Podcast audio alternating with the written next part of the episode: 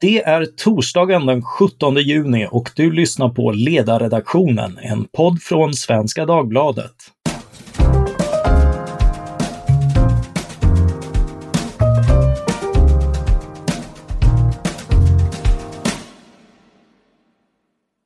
Jag heter Mattias Svensson och dagens ämne är regeringskrisen i Sverige. Med mig för att käbbla om den sittande regeringens framtid och anledningar att fälla eller skälla är Reka Tolknaj, ordförande i Centerns ungdomsförbund. Välkommen! Tack så jättemycket! Vi har också Stigbjörn Ljunggren, politisk chefredaktör Sydöstran S. Välkommen! Tack så mycket! samt min kollega Ledarsidans biträdande chef Peter Wennblad. Välkommen! Tack så mycket! Eh, den första frågan blir en enkel ja-nej-fråga. Misstroende mot regeringen, ja eller nej? Ja, det ja. blir det. Jag tänkte vad du själv tycker. Nej, det tycker jag inte. Mm. Uh, vad fan, och varför behöver jag förklara det? Eller? Vi kommer till det. Ja, precis. Eh, mm. Reka? Nej, det, är, det är helt vansinnigt. Nej, svaret blir också ett nej i det här fallet. Mm. Och Peter, ledarsidans linje är? Ja, det är frågan om man ska, ska ta ställning utifrån sin som vad säger, journalist eller tyckare, men jag säger ja. Det är roligare att säga ja. Eh, då kan vi väl utveckla lite varför. Reka, du eh, är ju ändå som centerpartist en del av oppositionen. Eh, så varför ska man inte ta chansen att fälla en regering? Vi vill att den här regeringen ska vara kvar så länge den genomför januariavtalets punkter. Och som det ser ut nu så finns det i dagsläget inget förslag på marknadshyror utan det är en utredning. Och jag håller med om att det är väldigt ansvarslöst av Vänsterpartiet och Sverigedemokraterna att nu gå ut och fälla en regering på ett, ett förslag som läggs på remiss. Sedan så ska marknadshyror genomföras och januariavtalets punkter, speciellt de som Centerpartiet har lagt, ska genomföras. Men i dagsläget så gör ju det som Socialdemokraterna har gått med på för att sitta på regeringen och det är att genomföra januariavtalet. Och då tycker jag att den ska faktiskt fortsätta genomföras. Mm. Eh, Stigbjörn? Ja, vi är mitt i en pandemi. Vi har en ekonomisk kris. Vi eh, har, eh, har sommarlov som kommer. Folk har andra saker att tänka på. De betalar ju för fan politikerna för att de ska sköta saker och ting. Och när inte de gör det, eh, då blir folk förbannade med all rätt. Så eh, gärna regeringskris, va? Men, men ta det vid ett tillfälle som är liksom mer eh, välvalt. Va? Vi får alltså en midsommarkris här eh, långt efter, långt efter eh, eh andra världskriget. Och då var det ju på riktigt. Så Peter, varför ska man ställa till med det här kalaset? Ja, men det vi ser är ju egentligen en, en regeringskris som har pågått ända sedan sen eh, januari 2019. Så januariöverenskommelsen var ju en, en omöjlig konstruktion därför att det, delar av, av innehållet i uppgörelsen hade inte stöd i riksdagen. Och nu agerar ju alla partier som de har sagt att de eh, ska agera. Så att eh, eh jag är inte... Då tycker jag att det är logiskt. Mm, vi har just genomgått en eh, en, en pandemi. Vi, vi är eh, fortfarande i den förstås, tvätta händerna, hålla avstånd, eh, men det är ju ändå inte den värsta fasen av pandemi. Är, är det inte läge att ta upp och, och eh, hantera de politiska skillnader som finns i ett demokratiskt valt parlament? Kan man inte se det som, som att just demokratin lever snarare än att det är ansvarslöst? Nej, det kan man inte i det här fallet. Det finns ju för fan inte ens ett förslag.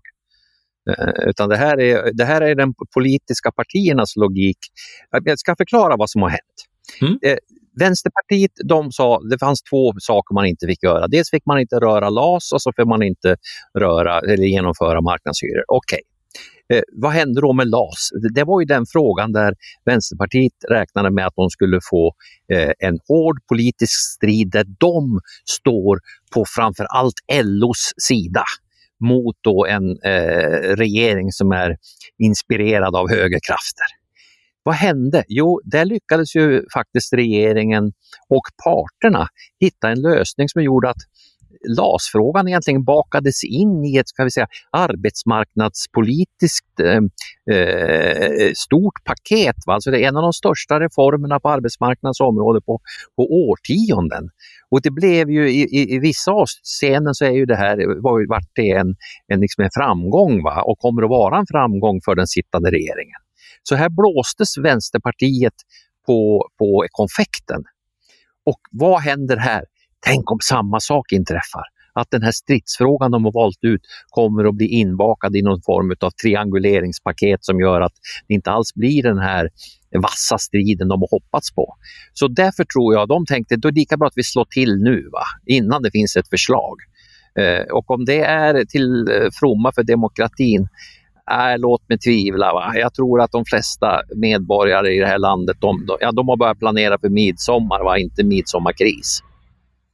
Mm, klarar vi inte att fira midsommar om eh, vi inte vet vem som regerar landet, Peter?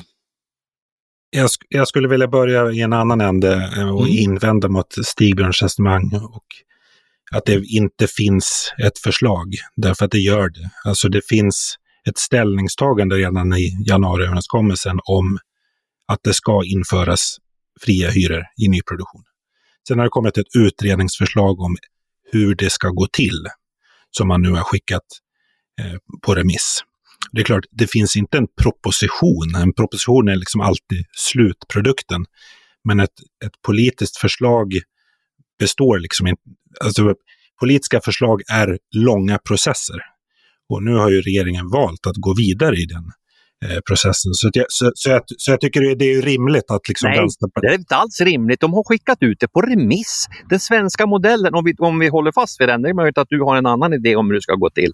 Men i den svenska modellen går det till så att man efter remissrundan så, så tar man och sammanställer vad alla har sagt i den remissen, inklusive vad man har skrivit på Svenska Dagbladets ledarsida om de har sagt någonting intressant. Så sammanställer man detta och sen sätter man sig ner och börjar fundera på hur ska vi göra med det här? Alltså det här är ju början av en process. Du kan ju inte påstå att det ligger ett förslag. Hur kan du göra det? Det står i januariöverenskommelsen. Där, alltså där, där finns ett ställningstagande, fri hyressättning i nyproduktion. Det finns ju inte ett konkret förslag. Det, det, måste man, det, det man tar ställning till är ju ett konkret förslag, inte en allmän syftning. Och om mm. det var så, då skulle ju eh, Vänsterpartiet ha slagit till redan när, eh, och inte gått med på den här eh, januariöverenskommelsen. Ja, det är korrekt. Alltså det var det jag menade var liksom en del av poängen med att det här är liksom en regeringskris som har pågått ända sedan januariöverenskommelsen gjordes. Men då av någon outgrundlig anledning valde Vänsterpartiet att, att, att inte agera.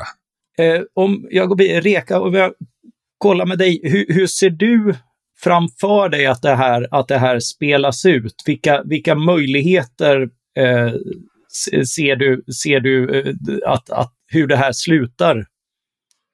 Ja, det här kan ju egentligen sluta på, på två sätt. Antingen så har talmansrundor och då kommer vi gå igenom hela den här processen som vi har varit i samband med valet 2018 och så får vi se ifall någon kan lyckas bilda regering.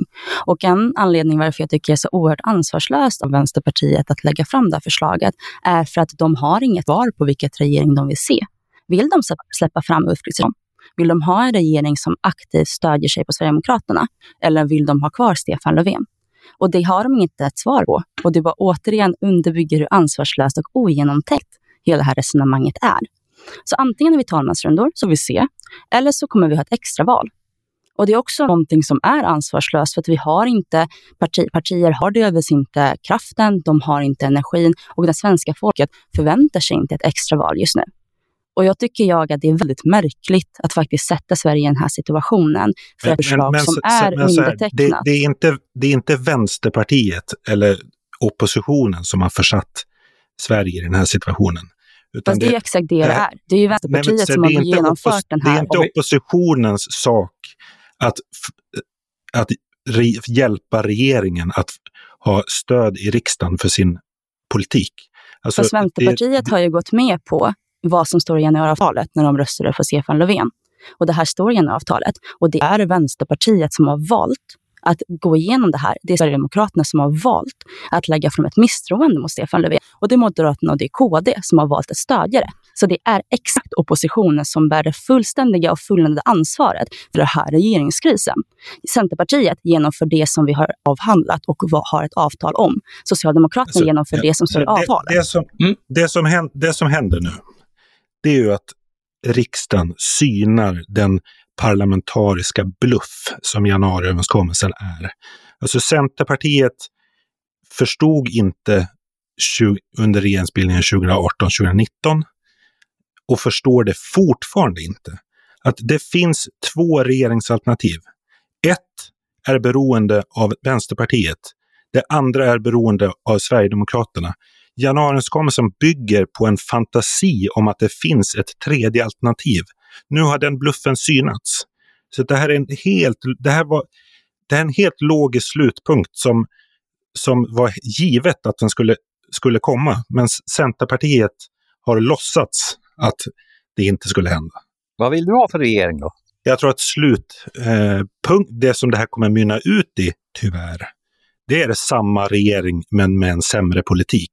Därför att det här, nu är, liksom, nu är biljardkulorna i rullning här och stöter in i varandra. Det som kommer hända nu är att regeringen och Stefan Löfven måste ge Vänsterpartiet någonting för att de ska dra tillbaka sitt misstroende. Och då har Centerpartiet igen att välja. Accepterar de det och låter regeringen sitta kvar eller tycker de att det sakpolitiska sveket är så stort att de hellre stödjer Ulf Kristersson som statsminister. Du låter som en politiker. Vad vill du ha för regering, frågar jag. Jag vill alltid ha en borgerlig regering. Ja, men är det rimligt eller fantiserar du nu? Ja, nej, alltså jag tror inte att det finns... Alltså Centerpartiet har ju, har ju valt sida fast de låtsas att de inte har gjort det. Du låter fan som en vänsterpartist nu för tiden, tycker jag. det är ju bara parlamentariska realiteter. Så att... Ja, de parlamentariska realiteten är väl den att vi är en sosseregering vi får stå ut med. Och, och, det tror jag, jag tror att oppositionen, eh, de, oppositionspartierna, ju längre man befinner sig från liksom en realistisk maktutövning, desto mer fantasifull blir man i sina önskningar om hur det bör vara. Medan centerpartister och, och socialdemokrater främst, va, eh, de är liksom hästhandlare. Va? Eh, de går till marknaden för att se vad man kan åstadkomma medan de andra sitter på läktaren och, och gapar sig hesa över att alltså, vi borde vara på ett annat sätt. Jag, jo, men så, jag, skulle, jag skulle önska en borgerlig regering även om de borgerliga partierna hade 10 procent. Jag säger inte att det är möjligt, men jag vill alltid ha det. Men jag tror inte att det, jag tror precis som du inte att det, det är möjligt. Om, om man tittar framåt nu så är ju risken med just de här två alternativen att eh, eh med, med tanke på att just eh, både Vänsterpartiet och Sverigedemokraterna är emot också det här lilla förslaget med någon slags marknadshyra i, eh, i nybyggda bestånd. Att eh, du kan få vilken regering du vill så länge den är utan eh, marknadsreformer på bostadsmarknaden. Är, är det den, den troliga utkomsten av det här? Eller, eller, för det borde ju finnas ett alternativ där där Moderaterna och Kristdemokraterna eventuellt då stödjer den politik de vill se i utbyte mot att inte eh, aktivera misstroendet. Givet alternativen eh, just nu, vore inte det bättre? Man hinner ju inte göra det här innan måndag, va? på måndag så faller, faller Löfven.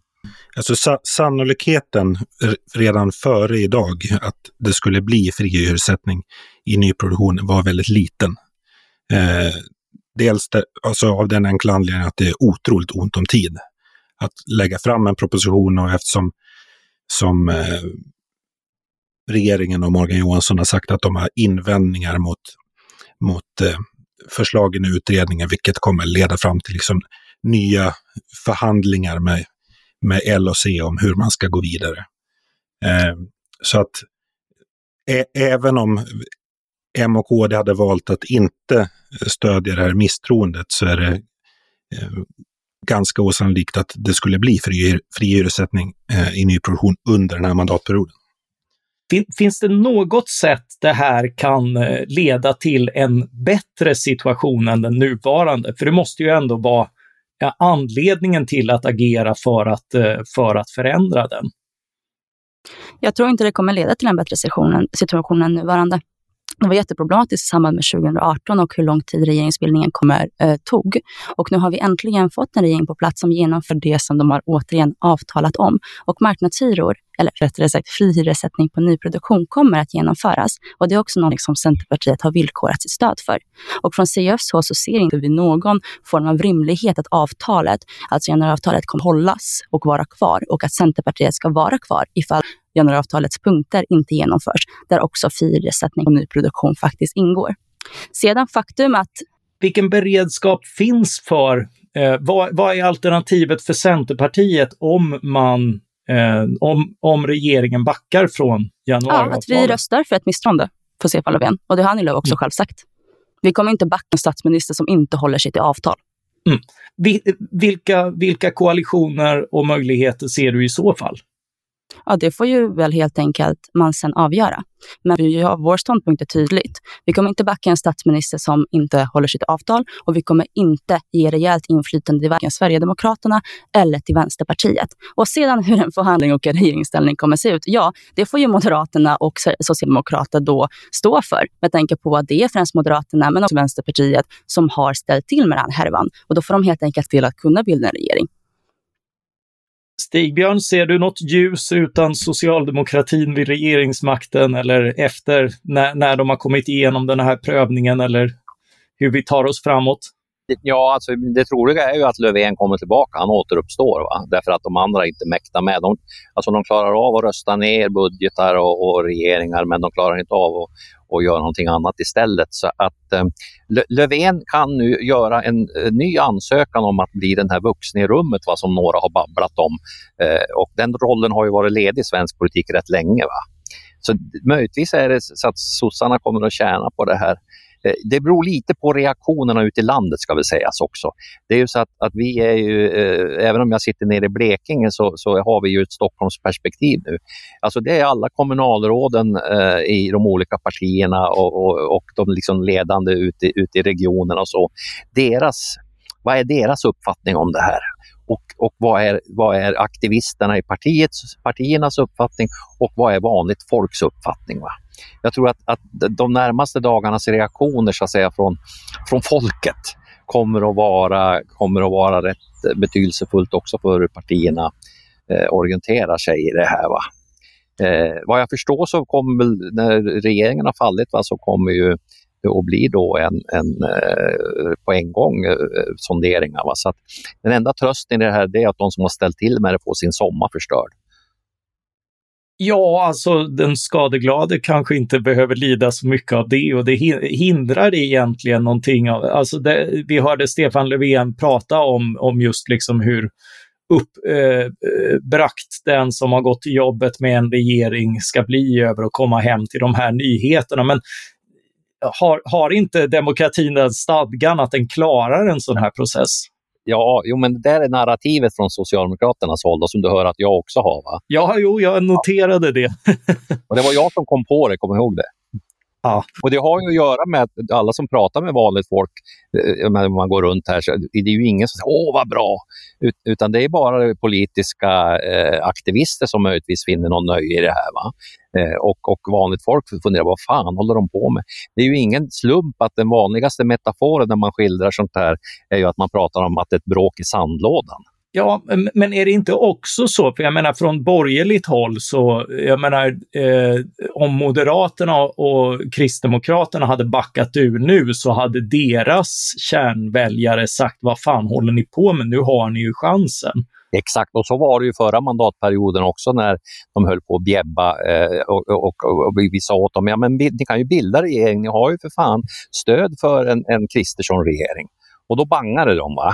Eh, men, men så därför så tror jag att de följde också liksom den rimliga logiken här. Men nu tror jag nog man kommer att försöka eh, alltså man siktar in sig på nästa val, alltså nästa år. Liksom det måste men, vara här, ja, här tror jag att eh, Stigbjörn har, har helt rätt. Alltså, Socialdemokraterna är, den, är de som kommer gå stärkta ur det här rent politiskt, därför att det finns liksom bara ett sätt att rädda situationen och det är att, att eh, regeringens politik eh, går lite mer åt vänster så att eh, Vänsterpartiet drar tillbaka sitt misstroende. Och jag tror precis som Stigbjörn att den liksom, tysta majoriteten upplever det här som, som tjafs.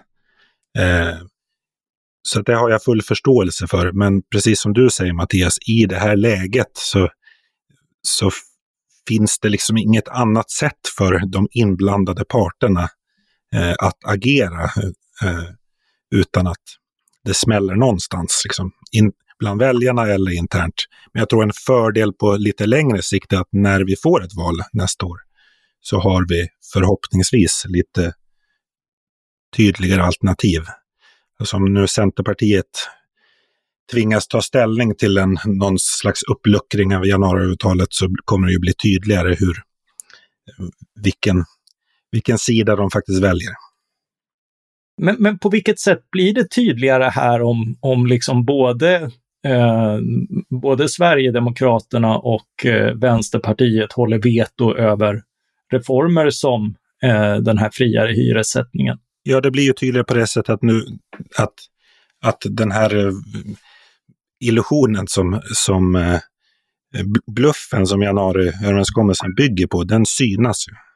Alltså nu, nu kommer Centerpartiet tvingas göra det där valet som de inte ville göra 2019, eller trodde att de inte gjorde 2019, nämligen att välja mellan en regering som är beroende av Vänsterpartiet eller en regering som är beroende av Sverigedemokraterna.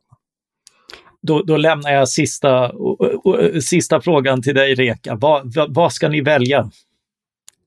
Vi står fast vid det som vi alltid har stått fast vid, någonting som jag tror på helhjärtat. Och det är att avtal ska genomföras och om Socialdemokraterna nu bryter januariavtalet så ska inte vi finnas kvar i januariavtalet. Men också att både Sverigedemokraterna och Vänsterpartiet ska hållas borta från makten. För vi ser ju uppenbarligen idag vad som händer när de får inflytande. Och att då skapar vi en regeringskris över någonting som inte ens är utskickat på remiss. Och det är någonting som är oerhört ansvarslöst. Och det är någonting som återigen visar hur ytterkantspartierna använder Sveriges riksdag som en lekstuga. Och det tycker inte vi är någonting som är bra och det tycker inte vi att de ska få inflytande. Och det är någonting som vi står fast vid. Mm. Med eh, de orden eh, tackar jag er, eh, Reka Tolknaj, ordförande i Centerns ungdomsförbund, eh, Stigbjörn Ljunggren, politisk chefredaktör Sydöstran och eh, Peter Wendblad. Tack så mycket för att ni var med oss och diskuterade detta. Tack också till alla er som har lyssnat på ledarredaktionen. Vill ni rikta ert misstroende mot något vi sagt eller föreslå nya reformer vi borde ta upp så mejlar ni till ledarsidan svd.se. Ledarsidan svd.se.